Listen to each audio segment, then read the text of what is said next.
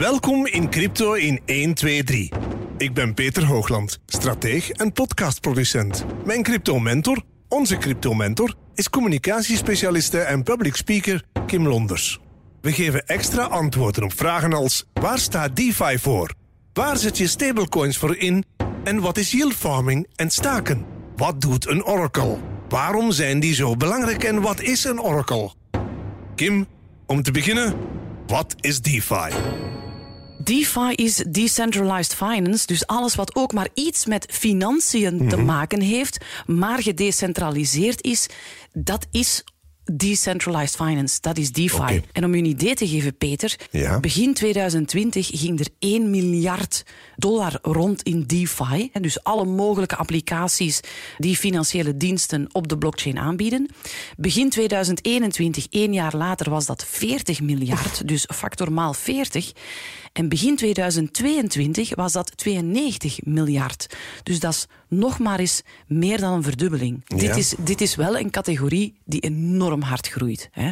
Omdat Peer-to-peer- onmiddellijk en heel duidelijke voordelen bieden. Absoluut. Wat zijn de, wat zijn de voordelen? Ja. Mhm. Flexibiliteit, onafhankelijkheid, hè, het is decentraal, Snelheid. Mhm. heel toegankelijk. En vooral de kostenbesparing. Hè. Administratiekosten en zo vallen weg. Voorbeelden, peer-to-peer leningen en hypotheken, verzekeringen, crowdfunding, decentrale cryptobeurzen, exchanges, eh, zoals Uniswap, SushiSwap enzovoort. Voorbeeld van verzekeringen, Nexus Mutual. Voordeel van decentrale manier van lenen, Maker, AV. Dat groeit gigantisch hè, en heeft ongelooflijk veel eh, voordelen. Mhm. Dus geen centrale banken meer, geen centrale commerciële banken of instanties meer. Alles op de blockchain, alles decentraal. Een begrip dat ik ook ben tegengekomen is yield farming en staken. Wel, yield farming is eigenlijk uw, uw crypto gaan vastzetten op eh, protocollen, op projecten Ja. en daar dan opbrengsten voor krijgen. Met andere woorden, bijvoorbeeld coins of tokens die je hebt gaan staken. Dus gaan vastzetten voor langere tijd en Ja. daar dan op vaste momenten wekelijks een soort van rente op krijgen. ja, dat is eigenlijk een vorm van rente. dan. Ja, maar ik heb u vorige week heb ook het voorbeeld gegeven van, hè, stel ik wil een crypto-lening nemen, Ja. hè, dan ga jij bijvoorbeeld een bepaalde coin of token gaan vastzetten voor een bepaalde periode en dan krijg jij daar een andere coin of token voor in de plaats. Maar je geeft iets in Dat onderpand. vastzetten is eigenlijk onderpand. Ja, dat- Ja, ja. en dat is ook ergens iets, het vastzetten, dat is wat men noemt gaan steken. Ja. En yield farming, als je het vertaalt, is het eigenlijk gewoon hè, yield, winst, gaan farmen, gaan oogsten op decentralized finance projecten, protocollen. Ja. En dat is wat je nu heel vaak ziet gebeuren. Ja. Eh, dat is nu echt hot. Waarom? Ja, omdat we al een tijdje eh, zijwaarts aan het gaan zijn met uh, cryptomin. We zitten al een tijdje in een ik mag het wel zeggen, een bearmarkt. Hè. We zijn van een all-time high in november van Ja. 69.000 dollar naar rond de 40 gezakt. Maar dus er gebeurt niet veel. Weet je, er is niet veel beweging. En dan is het interessant om uw coins of tokens ergens te gaan vastzetten. Waar het wel stabiel Waar- is. Ja, waar het stabiel is en waar dat je dan ook interesse krijgt. Hè. En dat is niet gelijk als op de bank 0, een paar procentjes. Ja. Maar dat kan soms eh 8, 10, 15, 20, 25. Dat kunnen enorme interesse zijn die je krijgt. Hè? Mhm. Dus in die zin is dat eh, op dit moment wel hot. En dat is decentralized finance. We hebben het al eens gehad over die stablecoins. Die hebben een doel. Laten we het ons daar nog eens over hebben. Een stablecoin is een munt die eh, gecreëerd is met als doel een stabiele koers te houden. Ja? En dus niet hoge dalen, lage pieken. Nee, stabiele koers. Hoe bewerken ze dat, hè, die stabiele koers houden? Door de stablecoin te koppelen aan de, De dollar. dollar. ja? Ja. Dus het zijn assets die gelijk zijn aan de waarde in dollars. Bijvoorbeeld USDT, of Tether, dat is een munt gekoppeld aan de dollar. Dus één Tether is min of meer gelijk aan één dollar. Die stablecoins die gaan we waarschijnlijk ook wel bespreken als je wil weten hoe we Ja, aan de slag omdat- gaan, omdat die een tussenrol kunnen spelen. ja, ook absoluut. absoluut. overdracht van geld laten staan en dan terugbrengen naar Ook nu, een hè, andere coin of naar je- uw eigen, terug naar uw eigen bankrekening. Er zijn een aantal zaken waarvoor stablecoins worden gebruikt. Hè. Als er veel volatiliteit is en je bent bang dat de markt eh, zwaar gaat crashen, dan kan Ja, ik zag jij... vannacht de boel crashen. Ik dacht van ja, stel dat ik nu geld wil uit mijn bitcoin eh, portefeuille halen en ik wil die terug omzetten naar mijn bankrekening, of Mhm. ik morgen vroeg, dan kan ik die snel weghalen bij bitcoin, bij Tether zetten. Daar blijft hij waarschijnlijk stabiel. Voilà. En dan kan ik vanmorgen rustig de boel terugzetten Voilà. naar mijn rekening. Om maar een ideaal of een banaal en, voorbeeld en, als je zegt van ik wil het niet omzetten in euro's of Weghalen dollars, uit voilà, dan parkeert je het in Tether. Ja. Mhm. En ik denk zelfs, als ik het goed heb, eh, maar dat durf ik niet met 100% zekerheid zeggen, dat Tether ook een kaart heeft. Dus ze Ja. bieden ook een soort van eh, visa-kaart aan.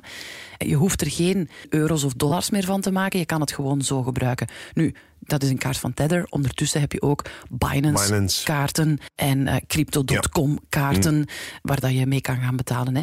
Dus stablecoins is een manier om je crypto even veilig te parkeren, maar het toch in crypto te laten. Eh, ja, dat is het belangrijkste. Om er gewoon geen fiat geld van te moeten maken, maar toch iets te hebben met een stabiele koers.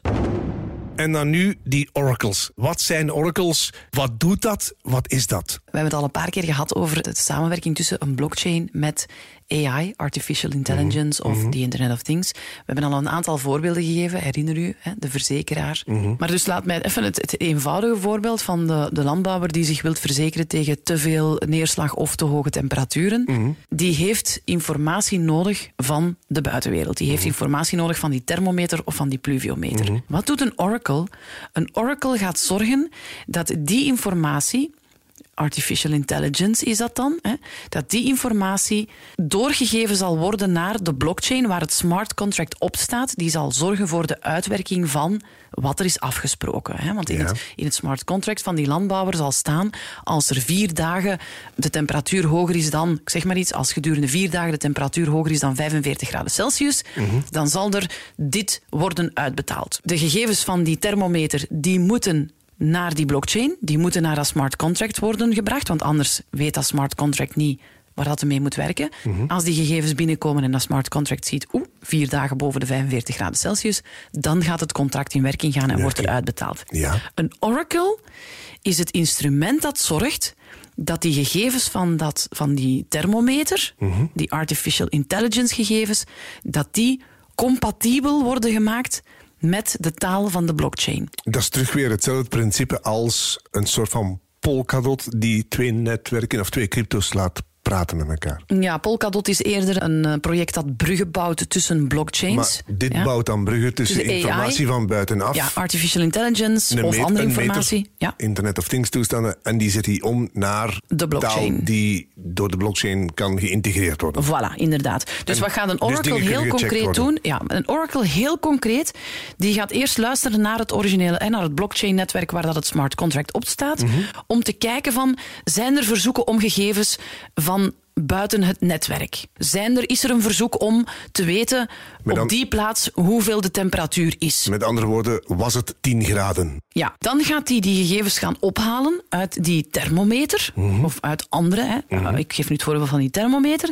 Die gaat die gegevens omzetten naar het juiste formaat om die verschillende systemen met elkaar te laten communiceren. Ja. Hè, want een blockchain kan dus niet zomaar communiceren met ieder ander systeem, Mhm. omdat er verschillende programmeertalen zijn, hebben we net gezegd. Dan gaat die de prestaties gaan valideren. Dus die gaat daar een cryptografisch bewijs van maken. Of cryptografisch bewijs zoeken dat er bepaalde transacties enzovoort daadwerkelijk hebben plaatsgevonden. Die gaat dan, als dat nodig is, bepaalde berekeningen maken. En die gaat dan zorgen dat gegevens en bewijzen worden verzonden. Dat is wat dat een Oracle doet. Dus die vraagt, die checkt en die zendt door. Die vraagt, die checkt, die zendt door. En dan gaat het smart contract zijn ding doen en in werking gaan en zorgen dat er gebeurt wat moet Want gebeuren. door die oracle worden al de voorwaarden gecontroleerd en afgevinkt. Al de informatie wordt aangeleverd. Dat is wat dat het Die Oracle dan doet. gecheckt wordt in de blockchain. die nodig is Om te kunnen- het smart contract in werking te laten gaan. Bijvoorbeeld, we hebben nog zo'n voorbeeld gegeven, hè Peter. De auto die start Mhm, als er betaald wordt. De deuren die opengaan als er betaald Daar wordt. zit een oracle tussen. Daar zit een oracle tussen. In de andere richting dan, uiteraard wel. Mhm. Alles waar dat artificial intelligence, Internet of Things mogelijk mee te maken heeft, al die bruggen, informatie, eigenlijk gewoon onthouden, informatie van de buitenwereld die nodig is op een blockchain om een smart contract in werking te laten gaan, daarvoor is een oracle nodig. Er zijn veel dingen die vergelijkbaar zijn. Hè. Ze dragen alleen een andere naam. Ze hebben een klein beetje andere functie. Vandaar dat ik verwees naar Polkadot. Het is ook een bruggenbouwer. Een mooi voorbeeld van een Oracle is Chainlink.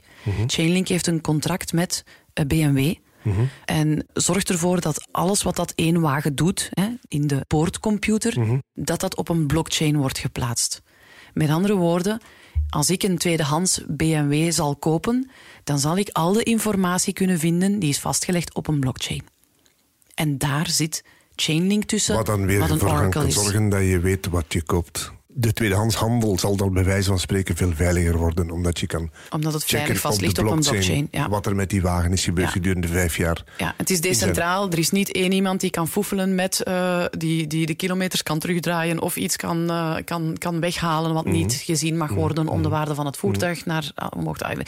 Dat allemaal. Blockchain voorkomt dat er gefraudeerd kan worden. Ja, Dat hebben we bij Bitcoin ook uitgelegd. hè. absoluut? En daarmee, mijn beste vriend, hebben wij heel veel informatie gezien. Wij weten ondertussen wat Bitcoin is. We weten dat uit, vanuit de uitdagingen die de blockchain van Bitcoin opleverde, Ethereum Ethereum, is ontstaan. We weten vanuit de uitdaging die de blockchain van Ethereum had, slash heeft. We kijken uit naar Ethereum tu- eh, 2.0. Dat, ehm, ehm, dat daaruit andere blockchains zijn ontstaan. En ook Ethereum 2.0. Dat is wel een vraag die ik deze week bijvoorbeeld ook kreeg. Ja, waarom zijn al die anderen er? Ja. Bijvoorbeeld. Ja, maar dit zijn nu een paar voordelen, maar er zijn ook projecten rond NFT, dat hebben we daarnet gezegd. Hè. Dus al die 18.000 is een ongelofelijke wereld waar ongelooflijk veel in aan het gebeuren is. ja. Maar tot daar zijn we nu. Dat hebben we gezien. We hebben gezien wat DeFi is. We hebben gezien wat stablecoins zijn. We hebben gezien wat NFT's zijn. En we hebben gezien wat oracles zijn. En ik denk dat we daarmee de allerbelangrijkste zaken hebben fundamenten afgetoetst. hebben gelegd. Ja. Als mensen tot hier mee zijn, Mhm. dan hebben ze op dit moment een hele goede basis. Heb je hebben we het alles basishuiswerk gedaan. verteld? Het basisfundament gelegd om Ja. al de rest te kunnen gaan begrijpen. Voilà. En Hebben we alles, alles, alles verteld? Nee, nee, want ik had ook nog proof of work en proof of stake en, en, en consensusmechanismen. En ik, er zijn ook nog allemaal zaken die ik had kunnen vertellen, die ik nog heel graag zou vertellen. Maar ik denk dat het nu voor de volgende afleveringen tijd wordt. Ik denk dat mensen echt wel op een puntje van hun stoel zitten om nu te, Mhm. Om de te vraag te stellen van, voilà, hoe doe ik dat? Waar maak ik een account? Hoe beveilig ik? Hoe kan ik nu goede projecten gaan vinden? Mhm. Hoe kan ik gaan voorspellen wat de koersen gaan doen? Ehm, wat is mijn beleggersprofiel? Moet ik munten lang gaan houden of kan ik er op korte tijd iets mee gaan doen? Inkoopstrategie, Mhm. beveiligingsstrategie, uitkoopstrategie. Allemaal punten die we nu in de volgende afleveringen gaan, gaan aantoetsen. Tot zover deze aflevering van Crypto in 1, 2, 3. In de volgende aflevering duiken we in hoe ga je nu aan de slag in de cryptowereld of hoe stap je in de cryptowereld? Hoe kies je de goede crypto's, tokens, projecten? Welke stappen moet je eerst zetten? Welke strategieën kan je allemaal volgen? En waar moet je echt bijzonder oplettend voor zijn? Ik ben Peter Hoogland. Graag tot in de volgende aflevering van Crypto in 1, 2, 3. Deze podcastreeks Crypto in 1, 2, 3 is een productie van Buitenbenen, HLN, Peter Hoogland en Kim Londers. Vind je deze podcast goed? Deel hem dan via je sociale media en geef een review in je favoriete podcast-app.